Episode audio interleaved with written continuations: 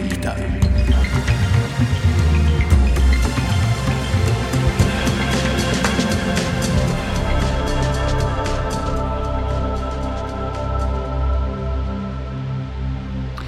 Po statističnih podatkih in v primerjavi z drugimi državami Slovenija ne izstopa po številu revnih ljudi. Toda podrobnejša analiza pokaže, da je pri nekaterih skupinah prebivalk in prebivalcev z izredno visokimi odstotki revščine v samem evropskem vrhu. Med njimi so enostarševske družine, samske osebe, najbolj revne pa so v naši državi starejše ženske. Namreč kar četrtina žensk starejših od 65 let je v letu 2021 živela pod pragom revščine. Nedavno je skupina znanstvenic pričela z večletno študijo, v sklopu katere bodo raziskovale, v kolikšnem obsegu in predvsem zakaj so v Sloveniji revne prav starejše ženske. Kakšne so bile sistemske napake v preteklosti in kaj lahko v trenutnih socialnih politikah spremenimo.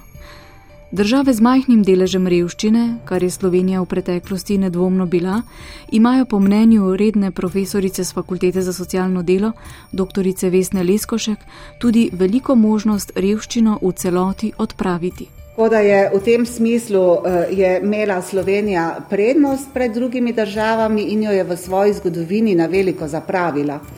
Eh, to prednost z svojimi zelo restriktivnimi politikami glede eh, dostopa do eh, denarnih dodatkov. Pravi doktorica Vesna Leskošek, ki že vrsto let raziskuje problem revščine v Sloveniji. Revščina v starosti je posledica življenjskih potekov ljudi, neenakosti spolov, posledično plačne vrzeli, pa tudi socialnih politik.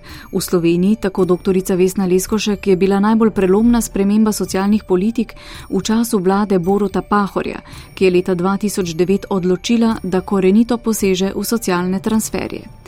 Tik pred udorom gospodarske krize se je argument takratne vladne garniture glasil, Treba je odpraviti odvisnost ljudi od države.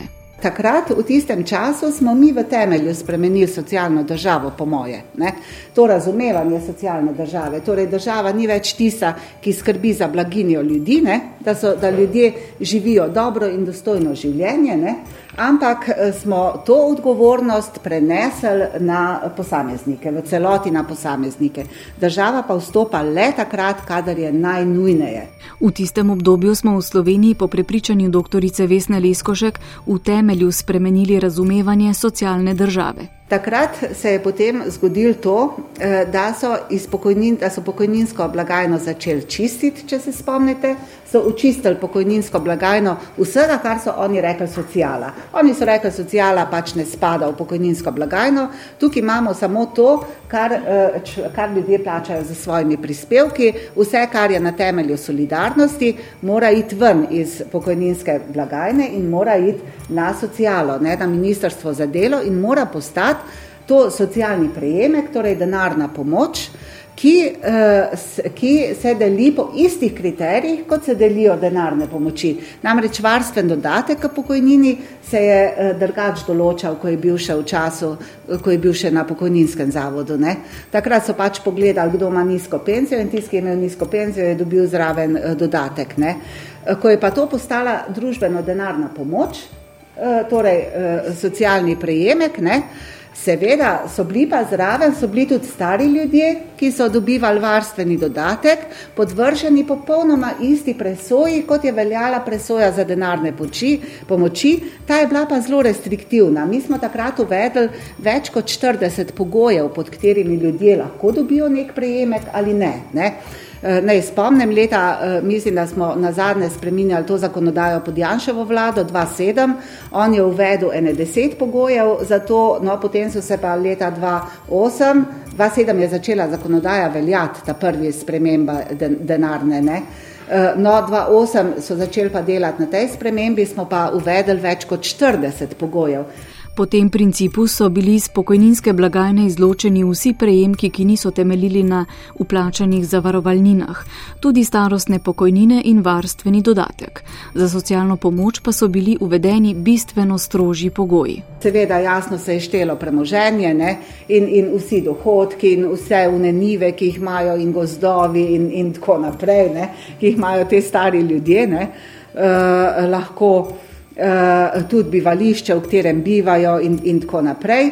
Eh, tako da je zelo težko bilo dobiti denarno pomoč, zaradi tega, ker je poleg dohodka se upoštevalo tudi premoženje.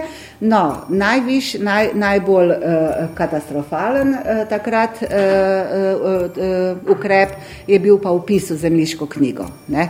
To, da se je država pač upisala v zemljiško knjigo.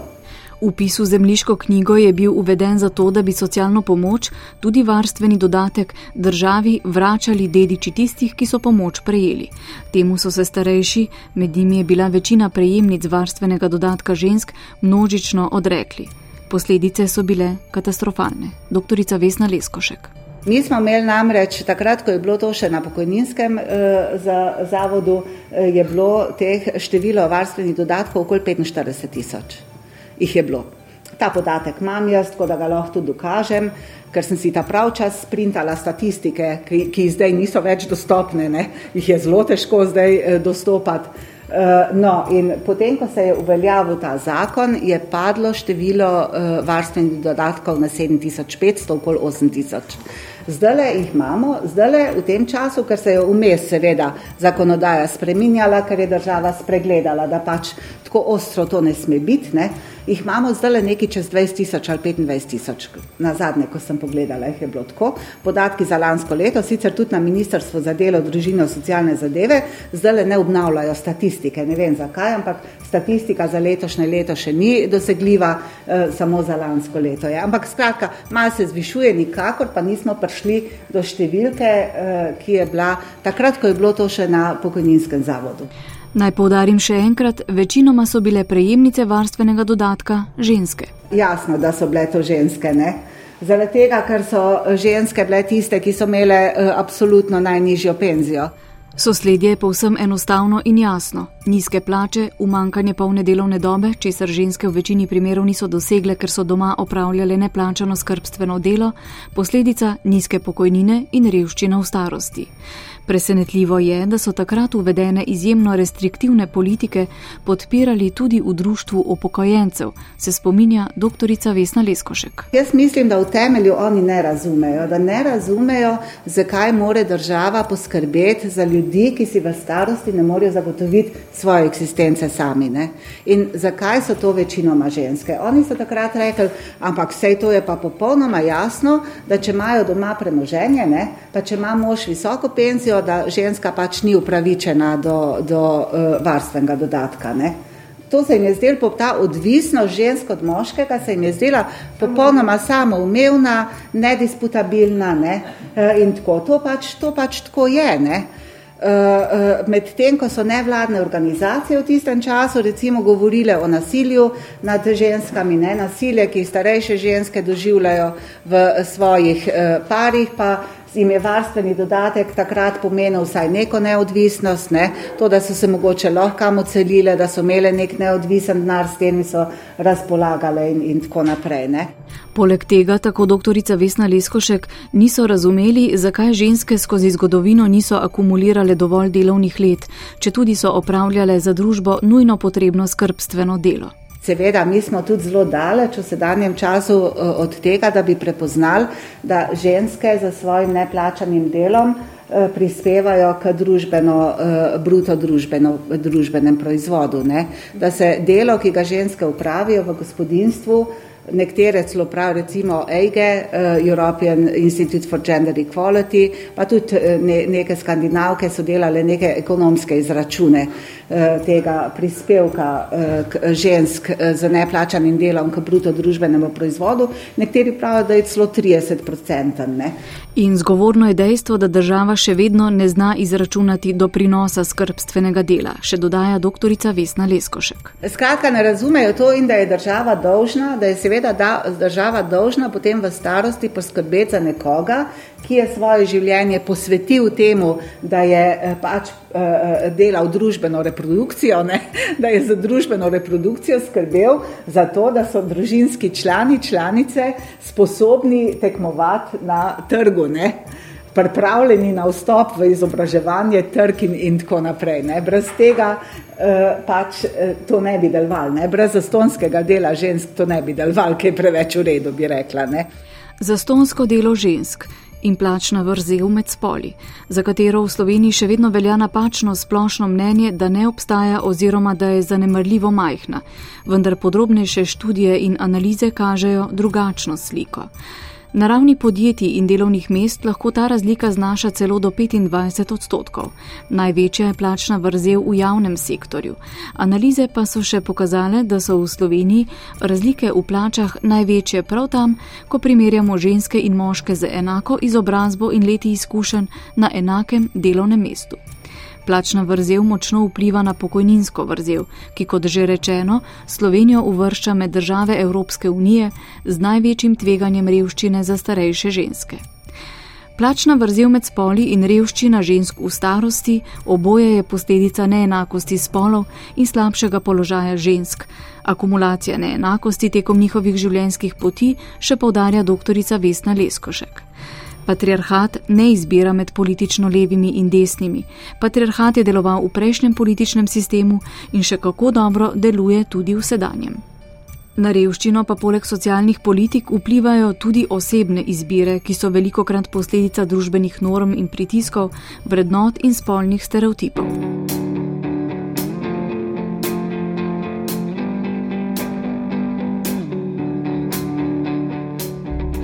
V naslednjih minutah bomo spregovorili o še eni raziskavi, ki je pod drobnogled vzela položaj žensk na slovenskem podeželju. Dejstvo je, da na podeželju živi kar polovica slovenskega prebivalstva. Zaradi stanovanske krize pa se vedno več mladih oseb odloča za selitev iz mest v predmestna naselja, v manjše kraje in vasi. Kaj vse pa prinaša življenje na podeželju, za katerega pregovorno veljajo bolj tradicionalne družbene vrednote? Kakšna so kolektivna pričakovanja in norme ruralnih skupnosti, kdo ima na podeželju glavno besedo, kdo odloča o pomembnih stvarih in kdo skrbi za dom ter gospodinji. Kako živijo ženske na podeželju, imajo enake možnosti kot moški, v kakšnih partnerstvih živijo, kako usklajujejo poklicno in zasebno življenje, koliko prostega časa imajo, v kolikšnem deležu so lastnice nepremičnin in zemlišč, kakšen je njihov ekonomski položaj, pa socialna varnost in kako slednje vpliva na pojavnost nasilja nad njimi. Odgovore na vsa ta vprašanja prinašajo izsledki nedavne nacionalne raziskave enakosti spolov na podeželju. V studiu se mi je pridružila vodja raziskave in programska direktorica Inštituta za preučevanje enakosti spolov, magistrica Ana Pavlič. Dobr dan, dobrodošli v našem studiu in predvsem hvala, da ste se odzvali temu vabilu. Lepo pozdravljeni, hvala lepa za vabilo, seveda. Za enakopravnost je v Sloveniji poskrbljeno razmeroma dobro, a od enakopravnosti do enakosti je seveda še zelo dolga pot. To kažejo številni podatki. Ne le, da je Slovenija v zadnjih nekaj letih na področju enakosti spolov kot edina članica EU nazadovala, tudi sledki prve nacionalne raziskave enakosti spolov na podeželju so pričakovano pokazali na zaskrbljujoče slab položaj žensk v slovenskem ruralnem okolju. Magistrica Ana Pavlic, za začetek bi vas prosila mogoče za nekaj um, odgovorov na vprašanje, zakaj, zakaj je takšno stanje. Torej, eh, v sklopu našega projekta, ki se imenuje Terra, se mi pravzaprav ukvarjamo um, z možnostmi usklajevanja poklicnega in zasebnega življenja na podeželju. To je v okolju, kjer um, prosti čas oziroma čas zase dojemajo kot lenobo, um, neplačano, nevidno, reproduktivno in skrbstveno delo žensk pa kot um, nekaj, čemor ne pravijo delo oziroma tega ne razumejo kot delo, res um, zelo velik in pereč uh, izziv. Z raziskavo, ki je bila že omenjena, smo pravzaprav skušali identificirati stopnjo neenakosti spolov, ki se je uh, skozi izsledke pokazala na podeželju, in ugotovili smo seveda, da je ta stopnja uh, najbolj in predvsem gotovo opredeljena z tradicionalnimi spolnimi vlogami, z zelo trdovratnimi spolnimi stereotipi, ki jih do neke mere uh, ženske zagovarjajo še bolj od moških. Eh, z zelo nizko ozaveščenostjo o možnostih usklajevanja poklicnega in zasebnega življenja med moškimi in ženskami na podeželju, z zelo izrazito slabšo ekonomsko neodvisnostjo žensk na podeželju, ki jih seveda sili v številne verige podrejenosti in podredljivosti. Lahko recimo eh, zgolj dva zelo pomembna podatka, ker 35 odstotkov žensk na podeželju živi brez lastnega dohodka in pa približno 9 odstotkov uh, žensk na podeželju, torej govorimo o ženskah, ki na podeželju delajo um, in so torej um, kmetice, nima svojega transakcijskega računa. To je pravzaprav njihova realna uh, ekonomska situacija, ki gotovo zelo vpliva na to, na kakšne načine um, se lahko v odnosih uh, vzpostavljajo, ali so ti odnosi enakovredni, in gotovo vpliva tudi na to, na kakšen način jih njihovi partnerji oziroma ostali družinski člani dojemajo. Uh, velik problem, ki smo ga mi zaznali, je ta njihova več, večplastna obremenjenost ženske na podeželju pravzaprav živijo uh, skoraj da ne brez prostega časa, ne prenehoma prehajajo iz ene izmene, kot sem že omenila, neplačenega dela v drugo. Uh, 60 odstotkov ženski na podeželju živi in dela nima prostega časa.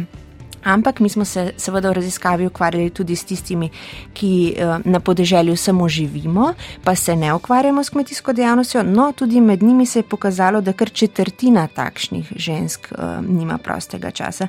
Torej, ta njihova velika uh, nadobremenjenost uh, se potem ne izkaže v priznavanju velikega doprinosa, ki ga njihovo delo ima za družine, partnerstva in skupnosti.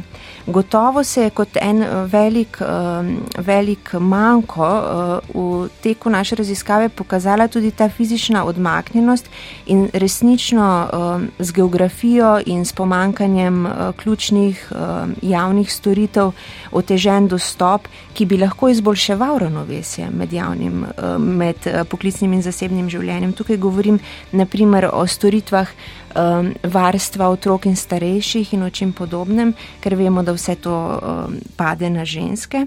In pa gledano na splošno, najbolj generalno, gotovo tudi zelo pomembno, nekaj, kar bi veljalo nasloviti sistemsko in nekaj, kar upam, da bo, uh, ko bo čez uh, slabo leto ta projekt končan, uh, nam tudi uspelo s to idejo um, nagovoriti odločevalke in odločevalce, pa je gotovo ta, da se je potrdilo in dokazalo, da je žal uh, koncept enakosti spolov ostaja prezrt kot nek temelj demokratičnega predpogoja v širši družbi in ostaja žal prezrt tudi kot nujen element v diskurzu, ki želi spodbujati razvoj podeželja.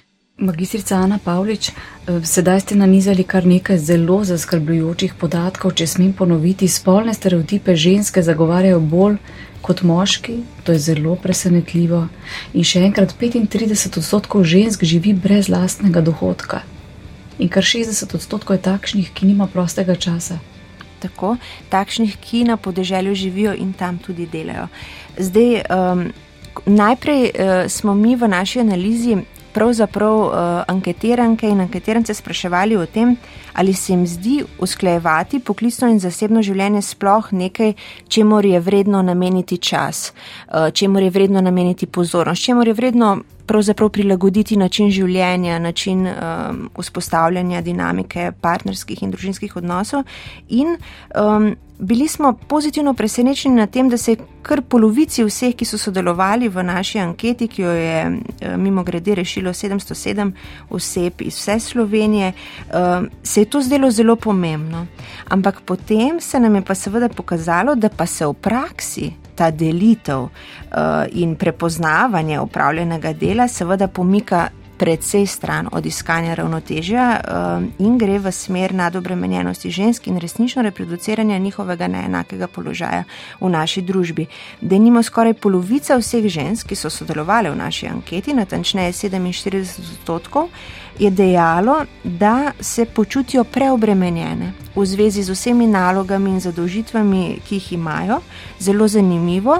Po drugi strani je to preobremenjenost izrazilo zgolj 16 odstotkov moških, ki pa se jim je zdelo še več, še bolj pomenljivo, da so uh, bili v kar 80 odstotkih prepričanih, da so v njihovih družinskih oziroma partnerskih odnosih uh, naloge in zadožitve uh, enakomerno razporejene in da to ne bi smel biti problem. Mi smo seveda potem nadalje iskali, um, kje tičijo te razlogi, za kakšna upravila gre. Omenila sem že seveda um, problematiko neplačenega skrbstvenega dela.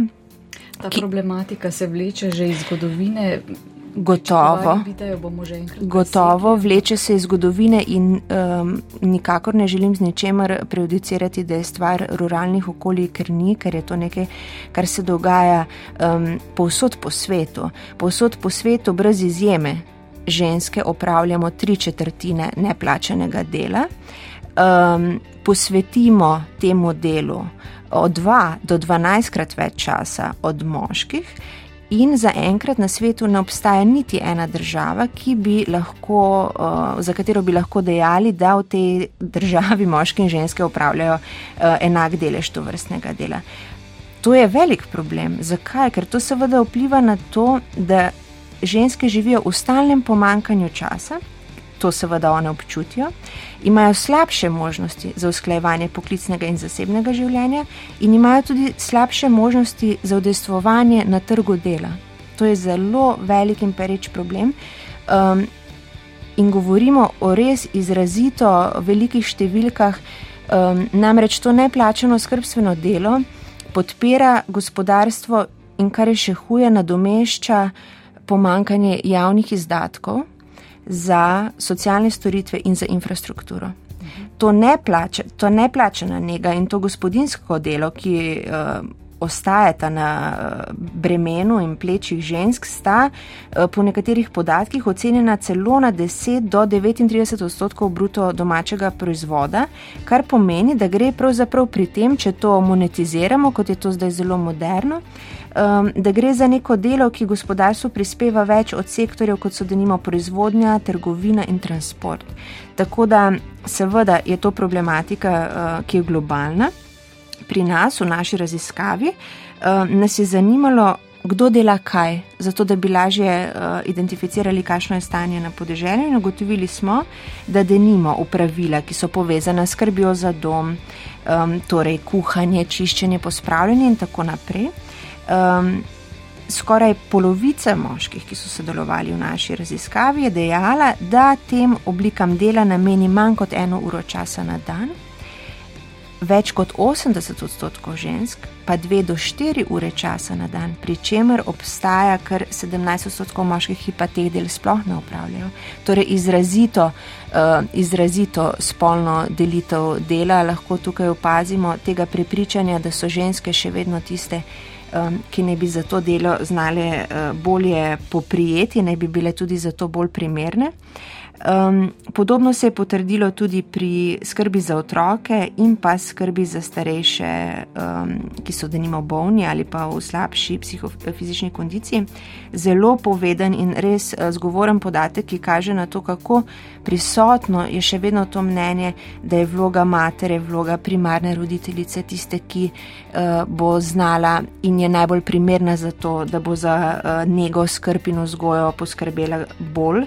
Govorite seveda o spolnih stereotipih, seveda, ki ste jih omenili seveda, na začetku. Seveda. Uh, in tudi tukaj so se nam potrdili te spolni stereotipi, ki so pokazali, da največji delež moških skrb, skrbi za otroke nameni do ene ure časa na dan, kar je obraten. Eh, kar je čisto obratna situacija kot pri ženskah, ker v bistvu ženske pa v najmanjšem eh, obsegu eh, namenijo toliko malo časa skrbi za otroke.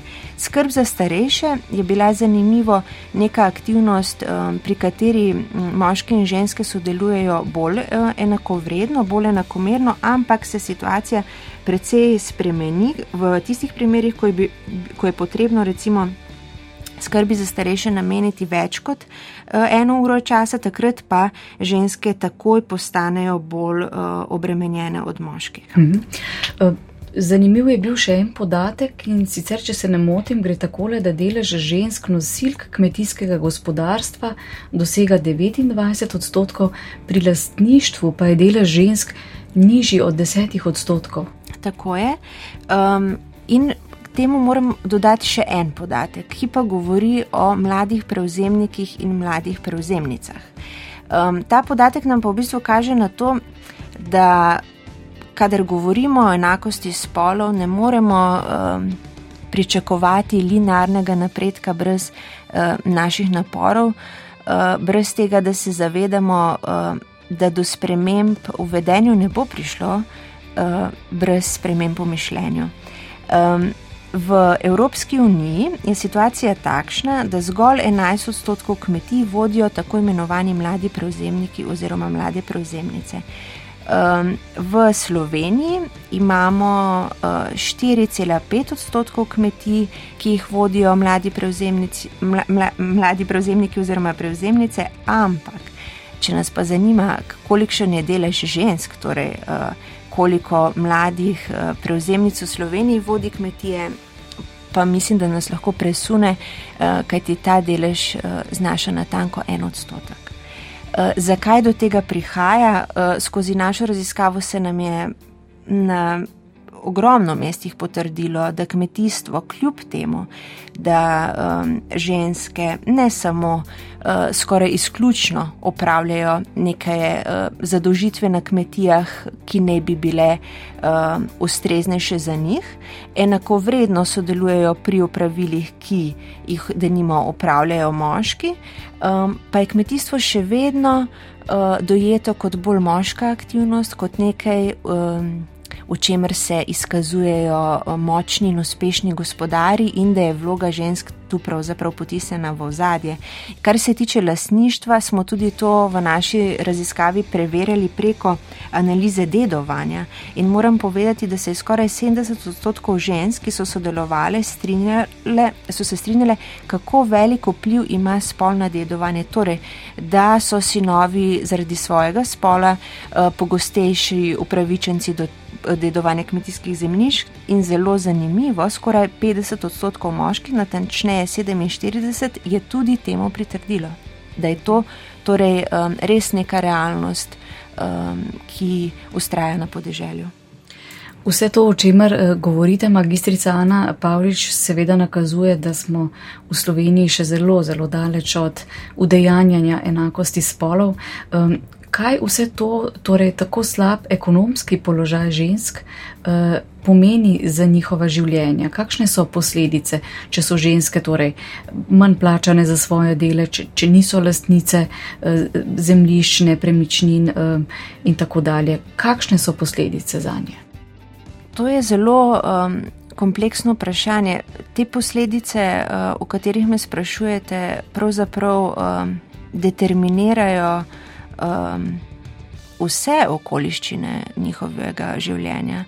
Um, te posledice njihove um, ekonomske neodvisnosti, posledice um, nepriznavanja njihove vloge in položaja so se nam pokazale žal tudi pri um, delu, ki smo ga v raziskavi namenili um, preučevanju nasilja kot enega ključnih zaviralcev, ki stoji na poti doseganja enakosti spolov. Ponovno povdarjam, nasilje se dogaja povsod, v urbanih in v ruralnih, um, in v ruralnih območjih, pa vendar je v ruralnih območjih um, prisotna. Mora biti neka druga stigma, ki je povezana s tem, da gre za okolje, kjer resnično vsi poznajo vse, in tudi to se nam je potrdilo, poleg številnih drugih um, vzrokov, v katerih pravzaprav pričajo raziskave, ki raziskujejo uh, pojavnost in prijavljenost nasilja oziroma vzroke za neprijavljenost. So veliko krat uh, anketiranke govorile o tem, um, da je ta stigma pred tem, da bi poznale um, osebo, uh, uradno osebo, ki bi, da nimo njihov primer obravnavala tako velika, da do tega uh, seveda ne pride. Um, mi smo. Uh, želeli tukaj iti en korak nazaj in razumeti, um, razumeti to toleranco do nasilja, ki se je pokazala. Um, zelo, zelo uh, široka pojavnost nasilja je bila tudi identificirana v sklopu naše raziskave um, v zadnjih šestih mesecih, odkar smo anketirali, to je bilo približno eno leto nazaj, um, je namreč. Več kot 40 odstotkov vseh vprašanih doživelo vsaj eno um, vrsto nasilja Pojavnost je bila seveda pri ženskah enkrat više kot pri moških, prednjačilo je psihično nasilje, sledilo mu je ekonomsko nasilje, torej ravno to, o čemer smo govorili, fizično nasilje, nasilje nad otroki, pa tudi nasilje nad starejšimi. In ta velika toleranca, um, ki jo velja izpostaviti, je še posebno izrazita pri psihičnem nasilju. Um, družba na podeželju res um, goji visoko toleranco do te vrste nasilja, izjemno visoki deleži populacije, več kot 30 odstotkov, so prepričani, da kričanje, zmerjanje in grožnje, da nimo sploh ne spadajo med um, nasilna dejanja. Um, moram tukaj podariti, da je ta toleranca do psihičnega um, nasilja še izrazitejša pri osebah brez dohodka. Tam govorimo kar o 50 odstotkih oseb, ki so dejale, da psihično um, nasilje, ki je bilo v raziskavi opisano kot grožnje, uh, zmerjanje in kričanje, niso nasilna dejanja. Nasilje, uh, toleranca do nasilja, tukaj imate v mislih moške in ženske, ali ste ravno tako delali razliko med spoli? Tako je, um, več kot tretjina moških je dejala, da, um, da to niso nasilna dejanja, in pa skoraj 40 odstotkov žensk je dejalo, da to niso nasilna dejanja. Zelo pomemben podatek, ki kaže tudi, um, ki mogoče upiše. Um, Ki mogoče opiše statistiko, ki smo jo razkrili, in to je, da so zgolj v 4 odstotkih dejali, da so nasilje doživeto ali pa uh, videno, opaženo prijavili um, bi si lahko razložili tudi s tem, da se izjemno visokemu deležu žensk, kar 75, 75 odstotkom, zdi, da na podeželju ne obstaja dovolj verov pomoči za žrtve nasilja. Na splošno gledano uh, so tudi moški um, precej uh, se strinjali s to trditvijo, ampak če vemo, da je um, nasilje nad ženskami najbolj pogosto kršena človekova pravica na svetu, um, res upam, da bo ta podatek uh, slišal kdo in v zvezi s tem, kaj ukrenil. Magistrica Ana Pavlič, kako pa ženske same ocenjujejo svoj položaj znotraj skupnosti, v kateri živijo? Ko smo govorili pred odajo, je tudi tukaj nekaj podatkov, ki so eh, precej presenetljivi, milo rečeno. Ja, eh, res je. Te podatki pravzaprav kažejo, da obstaja, mislim, da lahko temu rečemo, spolno specifičen ali pa spolno različen pogled um, na današnjo situacijo razmeri moči med spoloma na podeželju, um, ki, je zelo, um, ki je zelo zgovoren. Um, več kot 40 odstotkov žensk je denimo dejalo, da se jim zdi, da se njihov položaj ni bistveno spremenil v, v primerjavi s položajem njihovih prednic. Zelo zanimivo, Eh, pa je bilo uh, skoraj 70 odstotkov moških prepričanih, da se na podeželju premikamo v smeri enakosti spolov. Um, tudi Kar se tiče samega zadovoljstva um, z življenjem, so gotovo moški na podeželju bolj zadovoljni s svojim življenjem kot ženske. Um, in tudi v teh statistikah je potrebno res iskati vzroke in posledice vseh naših praks, mišljenja in delovanja, ki se dotikajo enakosti oziroma neenakosti spolov. Um, 12 odstotkov ženske je recimo dejalo, da so s svojim življenjem nezadovoljne um, pa zgolj pet odstotkov moških je takšnih. Um, tako da se mi zdi, um, da so to vse podatki, ki nam res kažejo, um, da more biti um, na podeželju um, nekateri spolni stereotipi uh, ustrajajo uh, najdlje uh, in da bi bilo gotovo potrebno, uh, zelo primerno. In zaželjeno, da bi za mize odločanja uh, ker se odloča tudi o ženskah na podeželju, uh, stopile ravno one in o sebi spregovorile in odločile same. Ker kot lahko vidimo, je ta moški narativ oziroma moška uh, ideja o tem, uh, ali gre za pomembno vprašanje, ali gre za vprašanje, ki ga je sploh um, potrebno um, unesti v javni diskurs, zelo milo rečeno popačen. Magistrica Ana Pavlič, dejali ste, da je koncept enakosti spolov popolnoma prezrt na odločevalskih pozicijah. Um, kje vidite rešitve, zakaj si boste prizadevali v prihodnje? Um, splošno gledano je koncept enakosti spolov v Sloveniji gotovo prezrt, ker ga ne razumemo kot nadstrankarsko in horizontalno temo. Mi pravzaprav um, sploh ne sprejemamo um, spolno občutljivih javnih politik. Torej, ne sprejemamo takšne zakonodaje, ki bi dejansko upoštevala to, um, da imajo učinki zakonodaje uh, različne možnosti, glede na naše različne osebne okoliščine, uh, in da tudi od zakonodajnih rešitev um, imamo lahko posameznice in posamezniki um, različne ugodnosti, glede na neenak položaj. Ki vlada v družbi, kadar se te zakonodaje sprejemajo. In to je zelo pomembno vprašanje, ki je v bistvu ki v bistvu kaže tudi, kaj se dogaja s Slovenijo na področju merjenja indeksa enakosti eh, spolov, ki ga izvaja Evropski inštitut, ki ste ga omenili na začetku. Slovenija je pravzaprav eh, dobro desetletje na primerjanju tega indeksa zaostaja. Zakaj? Ker zaostajamo za tistimi državami, ki so se pa odločile to implementirati, ki so pač sprejele pomembno politično odločitev, da je enakost um, cilj in vrednota, za katero je potrebno delati. Um, enakosti ni brez zakonodajnega okvirja. Ampak to imenujemo enakopravnost. Če pa zakonodajnemu okvirju dodamo še institucionalni in družbeni okvir, šele takrat pa bomo lahko dejansko govorili o enakosti.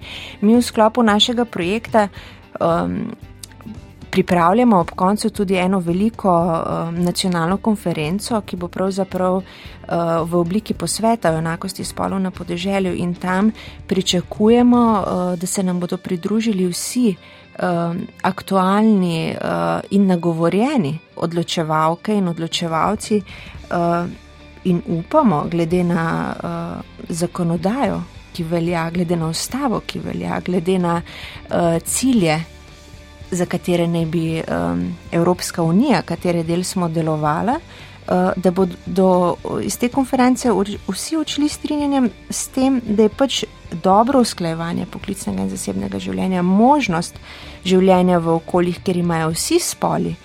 Enake možnosti, ker so enako pomembni, ker lahko uživajo enake pravice, in pa še bolj pomembno, so deležni enake obravnave, res temelj vsake demokratične družbe.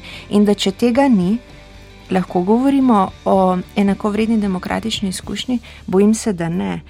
Um, zato res um, upam, da bo ta projekt mogoče v javnosti um, odzvanjal tako, uh, da bo uspel predreti uh, v dosedani diskurs razumevanja razvoja podeželja, ki je mogoče preveč um, tehničen in se ukvarja um, preveč uh, z modernizacijo uh, podeželja in s takšnimi stvarmi, uh, v bistvu pa bi morali najprej poskrbeti za to, um, da bi vsi, ki na podeželju živimo, pa še posebno tiste, ki na podeželju živijo in tam tudi delajo, lahko dejansko um, živele v enakih pogojih kot moški.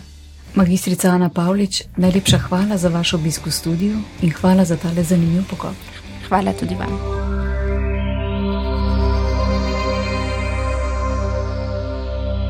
Intelecta.